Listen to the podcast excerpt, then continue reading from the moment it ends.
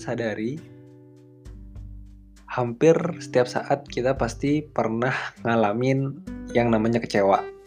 Entah yang skalanya kecil atau yang skalanya gede. As simple as sederhana misal kita ngecharge HP kita untuk sebelum ditinggal mandi atau ditinggal keluar misalnya jogging kayak gitu. Uh, terus teman-teman ngerasa oh HP gue di charge harapannya nanti waktu gue balik udah penuh.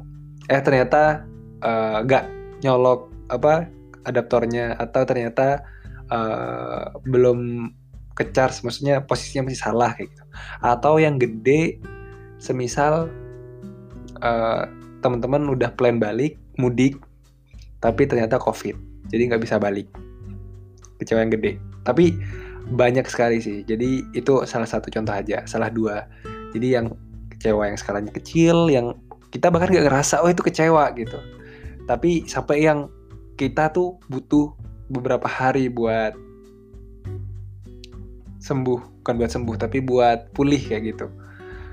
Uh, atau temen atau teman-teman pernah kecewa gara-gara ditolak atau uh, yang katanya mau fokus di teman-teman ditinggal karena katanya mau fokus sekolah eh dapat seminggu dapat yang baru kayak gitu. Curcol jadinya. Nah jadi kali ini Gua Ahmad Tafila Rozi di podcast Tretan Academy. Assalamualaikum warahmatullahi wabarakatuh. Kali ini gua akan ngangkat topik terkait belajar kecewa. Tapi bukan belajar buat kecewa ya, tapi pengen lebih sharing terkait apa itu kecewa, kenapa kita kecewa, kemudian gimana sih kita bisa manage kekecewaan itu kayak gitu. Nah, sebelum jauh ke sana, gimana cara kita manage kayak gitu-gitu, uh, sebelum itu kita samain dulu nih persepsi atau pandangan kita terhadap kecewa. Kecewa, kalau menurut KBBI yang gue search, itu adalah kecil hati atau tidak puas dalam tanda kata yang lain atau dalam yang uh, hal yang lain adalah karena tidak terkabul keinginannya, harapannya dan sebagainya atau tidak senang. Nah, gimana kalau menurut gua? Kalau menurut gua, kecewa adalah as simple as adanya gap antara ekspektasi dan realita. Itu. Di mana semakin besar gap itu, resiko buat kecewa atau tingkat keparahan kecewanya itu, itu makin perih, makin sakit kayak gitu. Nah, jadi kenapa sih kita kecewa? Kalau menurut gua karena adanya ekspektasi. Gimana biar gak kecewa? Ya jangan berekspektasi ya sebenarnya nggak simpel itu sih. Cuman uh, gambarannya kayak gitu. Kalau menurut gue kecewa. Jadi adanya gap antara ekspektasi dan realita. Kalau kita nggak ada ekspektasi ya udah gak ada gap. Realitanya apa? Uh, ya udah itu gitu. Nah selanjutnya gimana sih cara mengatasi kecewa versi gue nanti ini bisa banget salah atau tidak sesuai sama pandangan teman-teman. Cuman ini versi gue untuk cara mengatasi atau manage rasa kecewa di sini gue bagi jadi dua yang pertama, untuk yang versi uh, preventif atau untuk meminimalisir timbulnya rasa kecewa. Yang kedua adalah yang sifatnya lebih kuratif atau sifatnya penyembuhan. Jadi yang kedua nih lebih ke pasca kecewa. Gitu. Kalau udah kecewa ngapain nih gitu. Kalau yang pertama ini nih uh, beberapa activity yang bisa dilakuin supaya gak kecewa kayak gitu. Nah, yang pertama adalah kita bahas yang pertama dulu nih. Yang gimana sih cara preventif atau meminimalisir terjadinya kekecewaan? Yang pertama pasti minima, minimasi minimalisir, minimasi ekspektasi. Dulu uh, ini uh, eh, gue mau cerita sedikit yang poin pertama terkait cara supaya bisa meminimalisir terjadinya kecewa di dalam diri kita. Pertama adalah minimasi ekspektasi. Dulu tak kenapa waktu gue pernah ada project di kantor itu uh, gue berekspektasi gede nih bahwa uh, gue ini bakal di ini nih uh, gue udah effort gede dan dari uh, senior gue udah oke okay, dari manajemen nih pasti uh, bayangan gue sih bakal dapat approval atau uh, feedbacknya gak bakal banyak kayak gitu gue udah uh, udah kayak tapi gue uh, cukup diri gue aja waktu itu. Gue udah pede gitu udah yakin.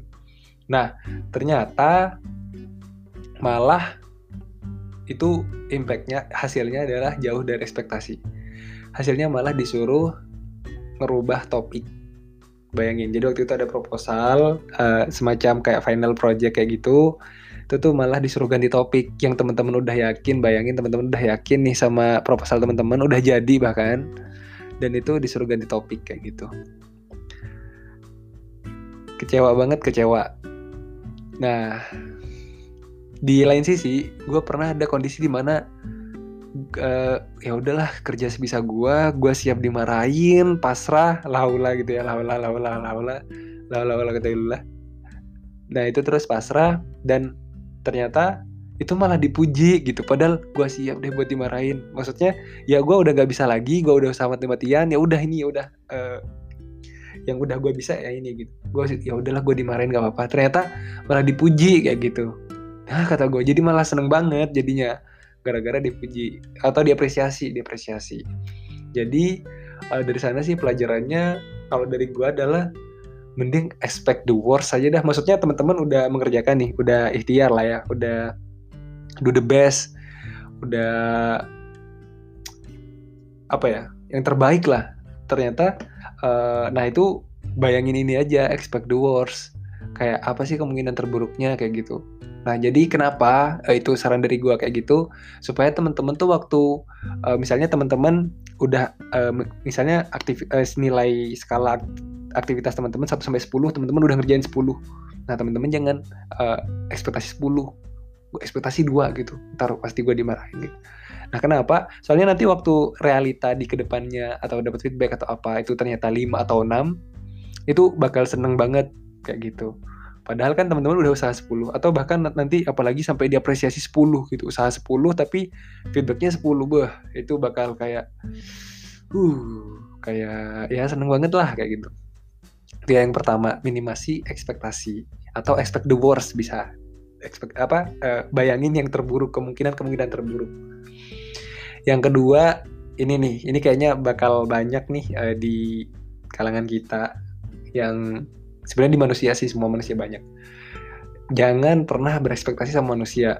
Ini kayaknya udah berulang-ulang sih dan ya ini gue ingetin soalnya gue juga sambil belajar uh, buat gak per, bukan gak pernah sih uh, gak usah expect apa pun meskipun dia lagi baik atau dia lagi suka atau dia lagi seneng sama kita udahlah gitu ya ya udah gitu sewajarnya aja nah waktu itu ceritanya untuk yang poin kedua yang jangan pernah berekspektasi sama manusia as simple as dulu waktu gue SMP gue pernah suka sama seorang uh, udah berjalan tuh dua bulannya elah kata SMP ya SMP terus uh, udah jalan dua bulan terus dia minta break.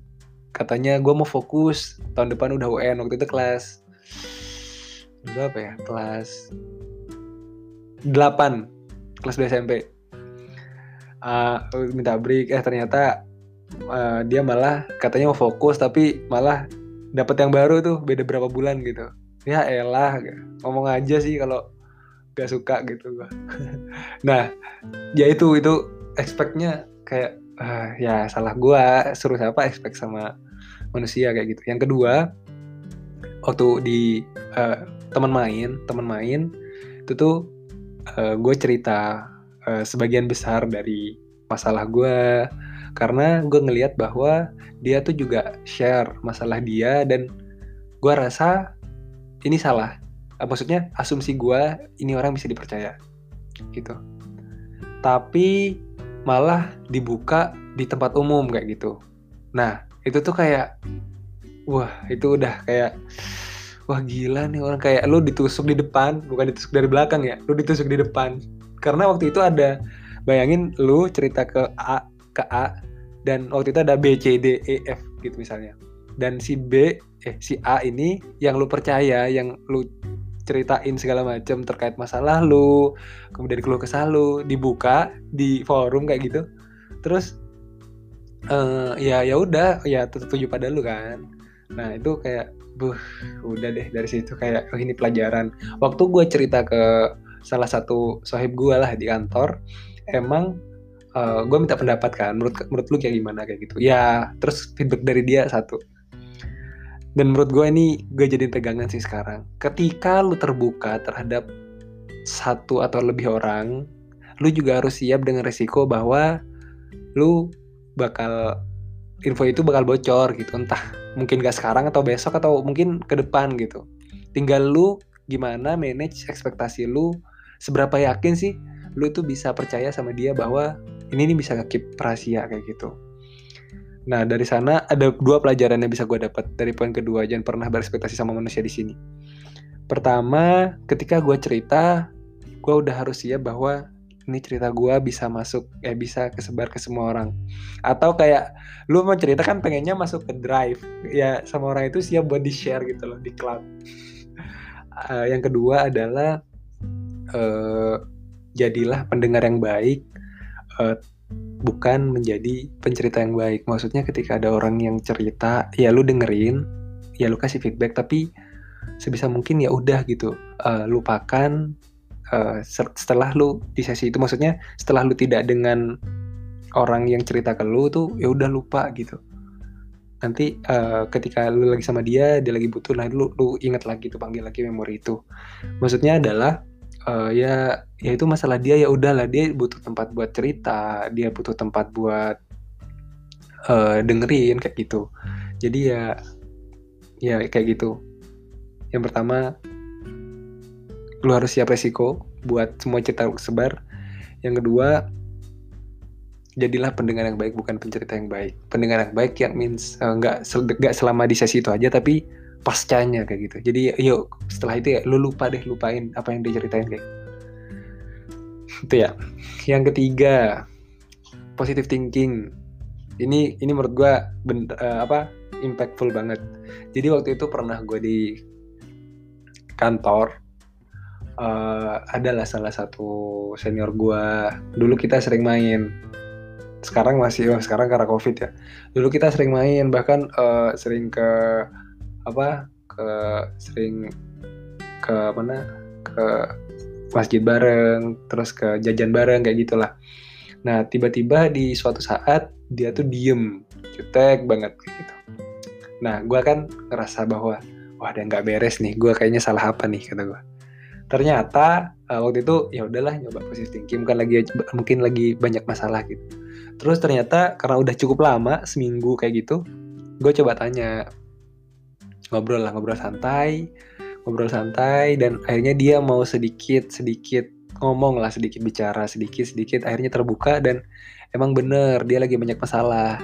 Based on ekspektasi apa ya kayak positive thinking di awal kayak oh ini orang banyak masalah dan emang bener. Jadi karena waktu itu mau persiapan hajatan besar lah dia di kotanya jadi emang uh, wajar. Menurut gua orang uh, setiap orang tuh ketika mau ada momen-momen penting entah itu nikah atau uh, tunangan kayak gitu wajar kalau pikirannya tuh lagi nggak di sini. Nggak di sini tuh maksudnya teman-teman di uh, kantor ya pikiran temen nggak di kantor gitu. Itu menurut gue wajar banget karena emang berat. Dan itu kan once alive uh, sekali seumur hidup terus ya itu kayak bersejarah gitu buat orang itu. Terus kayak oke okay, untung gue positif. Kalau gue negatif thinking mungkin gue bakal kayak ya ya entahlah kata gue kayak gitu. Terus yang keempat terkait gimana supayanya gimana supaya bisa minimalisir atau mencegah kecewa itu sendiri. Ini dulu gue dapet dari salah satu temen gue temen kuliah uh, cewek. Kita kebetulan uh, sering sering sharing lah sering sharing. Sebenarnya uh, gue dulu uh, ya mengidamkan lah mengidamkan. Tapi ya ya malah gue buka. Ya mengidamkan. Terus uh, hingga akhirnya ternyata sharing ternyata kita nyambung dan kita masuk di sama-sama di close friend. Kata gue ah, apa sih? Ya maksudnya gue masih bisa masuk close friendnya dia kata gue tuh kayak eh uh, gitu kayak wow gitu. Tapi nggak sekarang udah orangnya udah nikah nah terus uh, jadi waktu itu gue pernah share uh, karya gue podcast gue awal-awal banget. Nah uh, eh, gue itu ekspektasinya bahwa listenernya bakal banyak. Karena kan uh, setidaknya ada kan followers gue adalah uh, seribuan. Nah itu ya bayangan gue 5% aja deh kata gue atau 50-an aja gitu. Dan itu nggak ada. Maksudnya 5% atau yang komen satu persen deh. Jadi gue buatin semacam kotak feedback saran gitu di instastory. Terus kayak gak ada kayak gak ada yang ada sih tapi cuman kayak bagus bagus bagus. Maksudnya gue expect ada negatif bukan yang negatif maksudnya ada kritik. Jadi gue bisa improve. Gak ada. Gue kayak berasumsi bahwa ini sebenarnya gue gak capable nih di podcast. Kayak terus kata dia apa sih uh, sebenarnya kalau menurut gue tuh uh, lu berkarya tuh jangan lihat feedback dari orang. Maksudnya jangan bergantung pada uh, orang lain. Selama itu positif ya lu berkarya aja kayak gitu. Salah satu hal yang gue suka dari kata-kata dia adalah uh, dia tuh share prinsip kayak gitu ke gue kayak sebenarnya tuh nggak ada yang peduli sama lu. Belajar aja. Maksudnya kalau salah ya udah gitu. Who cares? Kayak gitu. Jadi uh, dari situ kayak iya sih siapa juga sih yang peduli. Maksudnya dengan gue belajar kayak gini belajar dalam tanda kutip ya bukan belajar yang kuliah. Maksudnya belajar kayak bikin podcast belajar ngedesain segala macem terus lu share kayak gitu. Ya mungkin uh, ada yang peduli atau mungkin ya emang gak ada yang peduli kayak cuman lewat aja gitu. Dan ya itu wajar gitu itu manusia. Selama itu positif karena uh, dia juga bilang bahwa uh, kayaknya dia atau gue pernah nemu di mana lu nggak tahu di oh ini di Panji Pragiwaksono. Iya benar di salah satu show-nya itu gue nonton dia bilang bahwa lu nggak tahu karya lu ya yang mana yang bakal bikin lu sukses. Atau lu nggak tahu karya lu yang mana yang bakal uh, sesuai lah hasilnya sama yang lu ekspektasiin. Ya terus jalan aja kayak gitu. Ya sama kayak hari ini sih. Jadi gue uh, kenapa salah satu alasan gue bikin podcast? Ya emang mungkin listenernya jujur nggak uh, sampai butuh waktu dua minggu bahkan untuk dua digit bayangin. Eh nggak satu mingguan lah ya. Satu mingguan buat dua digit. Bayangin. Ya cuman ya udahlah selama positif uh, jalan aja kayak gitu. Artinya poin keempat adalah uh, selama lu berkarya peduli kritikan orang boleh tapi hmm, asumsiin nggak ada yang peduli sama lo. Tetap belajar aja tetap jalan. Itu kenapa penting buat minimasi kecewa karena kayak wah gila gak ada respon kayak gitu. Itu kan kecewa kan? Nah ya udahlah maksudnya lu udah tanemin bahwa lu udah ilangin ekspektasi lu bahwa gak ada yang peduli gitu sama karya lu. Maksudnya ya udah gue pengen berbuat baik aja kayak gitu. Kasarannya ya kasarannya kasarannya. Atau uh, teman-teman misalnya nih pasti nggak sih pernah uh, teman-teman mau bantu orang tapi malah difitnah kayak gitu. Nah teman-teman kalau misalnya uh, ekspektasinya bakal dipuji bakal sakit banget kan. Cuman kalau teman-teman ya udah expectnya nggak expect apa apa cuman gue mau bantu lo kayak gitu. Dan dia fitnah teman-teman ya ya udah gitu. Uh, teman-teman emang ikhlas aja gitu. Nah kayak gitu. Kita Nah, itu tadi empat poin gimana sih cara mencegah atau minimalisir kecewa. Gue summary. Yang pertama, minimasi ekspektasi. Yang kedua, jangan pernah berekspektasi sama manusia. Ini gue juga sambil belajar nih yang kedua nih. Maksudnya, ya gitulah jangan ekspektasi sama manusia. Yang ketiga, positive thinking sih, positive thinking. Kemudian yang keempat, tetap berkarya gak ada yang peduli sama lo gak ada yang peduli sama kalian lo. Belajar aja anggap aja dalam teori belajar. Maksudnya belajar bukan yang belajar kuliah tapi ya belajar tetap lakuin aktivitas yang menurut lo positif. Sebenarnya ada lagi yang kelima sih. Jangan kepo. Cuman menurut gue ya ini bisa lah masuk. Jadi uh, misalnya uh, teman-teman kan pernah lagi suka sama seorang tapi uh, teman-teman tuh kayak ngikutin kayak gitu. Maksud gue ya ya udah gitu. Uh, ketika teman-teman dapat informasi yang loh loh loh ini kok ada kaitannya sama gua ya? kayak gitu. Nah ya udah nggak usah kepo. Selama itu gak ada kejelasan ya. Gak ada maksudnya gak ada penjelasan bahwa itu benar-benar teman-teman. Itu ya udah nggak usah kepo. Itu menurut gua works banget sih jangan kepo kayak ah ya udahlah mungkin bukan gua kayak gitu. Itu. Nah sekarang bahas poin yang kedua yaitu terkait lebih ke yang kuratif atau sifatnya pasca ini pasca kecewa. Itu. Nah ini sebenarnya prinsip yang salah satu prinsip beberapa prinsip sih yang gue pegang. Pertama adalah uh, rezeki gak bakal ke mana. Kalau itu udah rezekinya teman-teman kan ya gak bakal tukar jadi kan salah satu hal yang udah dijamin ketika kita akan lahir uh, di dunia itu kan rezeki selain jodoh kayak gitu-gitu. Nah itu tuh uh, udah dijamin dan teman-teman tuh gak perlu iri. Kayak misalnya uh, teman-teman ngelihat temennya teman-teman uh, didapat keterima duluan kerja atau dapat IPK yang lebih baik atau uh, apa jalan-jalan ke luar negeri kayak gitu. Iri sih boleh cuman irinya kalau menurut gue iri itu uh, boleh sih tapi irinya positif. Contohnya misal uh, waktu itu uh, ada temen gue yang juara. Ya gue deketin gue emang iri. Cuman gue uh, next actionnya adalah ya gue tanya gimana? Uh, apa? Kok bisa? Gitu. Ikut lombanya gimana? Sama siapa aja? Kayak gitu-gitu. Bukan lebih yang iri terus di blog di hide your story kayak gitu. Itu. Jadi rezeki mah gak balik tuker. Jadi kalau teman-teman udah usaha jadi bahkan uh, di film startup teman-teman mungkin nah sekarang nih lagi startup nih lagi ongoing di Netflix. Bahkan jadi kan uh, apa apa namanya sidik jari even dari yang dua orang kembar identik itu gak bakal sama kayak gitu dari sana aja. Ya kalau itu aja gak sama mau orang itu melakukan kegiatan yang mirip ya gak bakal mirip sih. Itu rezekinya udah beda kayak gitu. Dan gak bakal ketukar.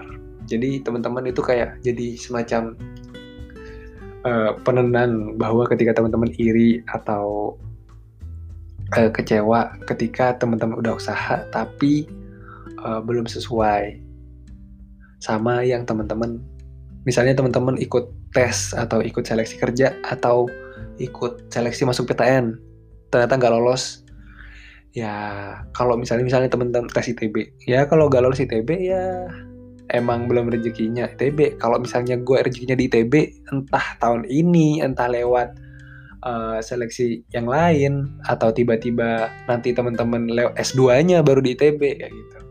Sebenarnya gue dulu pengen banget ITB cuman nggak boleh. Jadi entah entah S2-nya atau gimana belum tahu. Kalau tanya kecewa sebenarnya nggak terlalu kecewa. Karena waktu itu gue mimpinya cuma pengen teknik.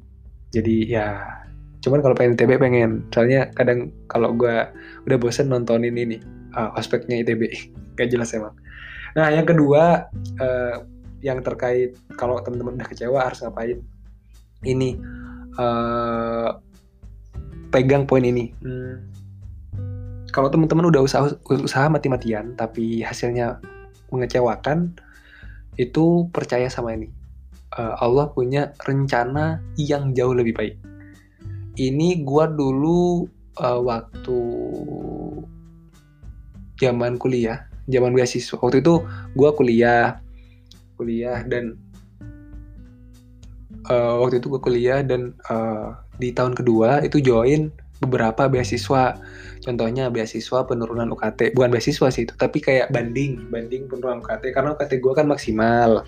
Karena gue dulu masuknya mandiri jadi agak mahal. Bukan agak masih emang mahal. Mahal menurut gue nah dari situ uh, eh, gue tuh ikut banding UKT gue sambil nyari-nyari juga kayak KSE kemudian ada kayak beasiswa alumni gitu dari alumni teknik industri.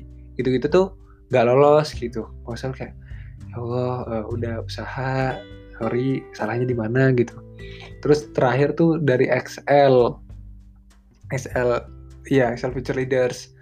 Maksud gue kayak aduh ya udahlah maksud gue ya udah ikut aja deh yang penting beasiswa kayak gitu. Yang awalnya goal gue adalah gue nyari yang ada duitnya supaya bisa ngeringanin UKT kayak gitu atau nggak minta uang jajan kayak gitu.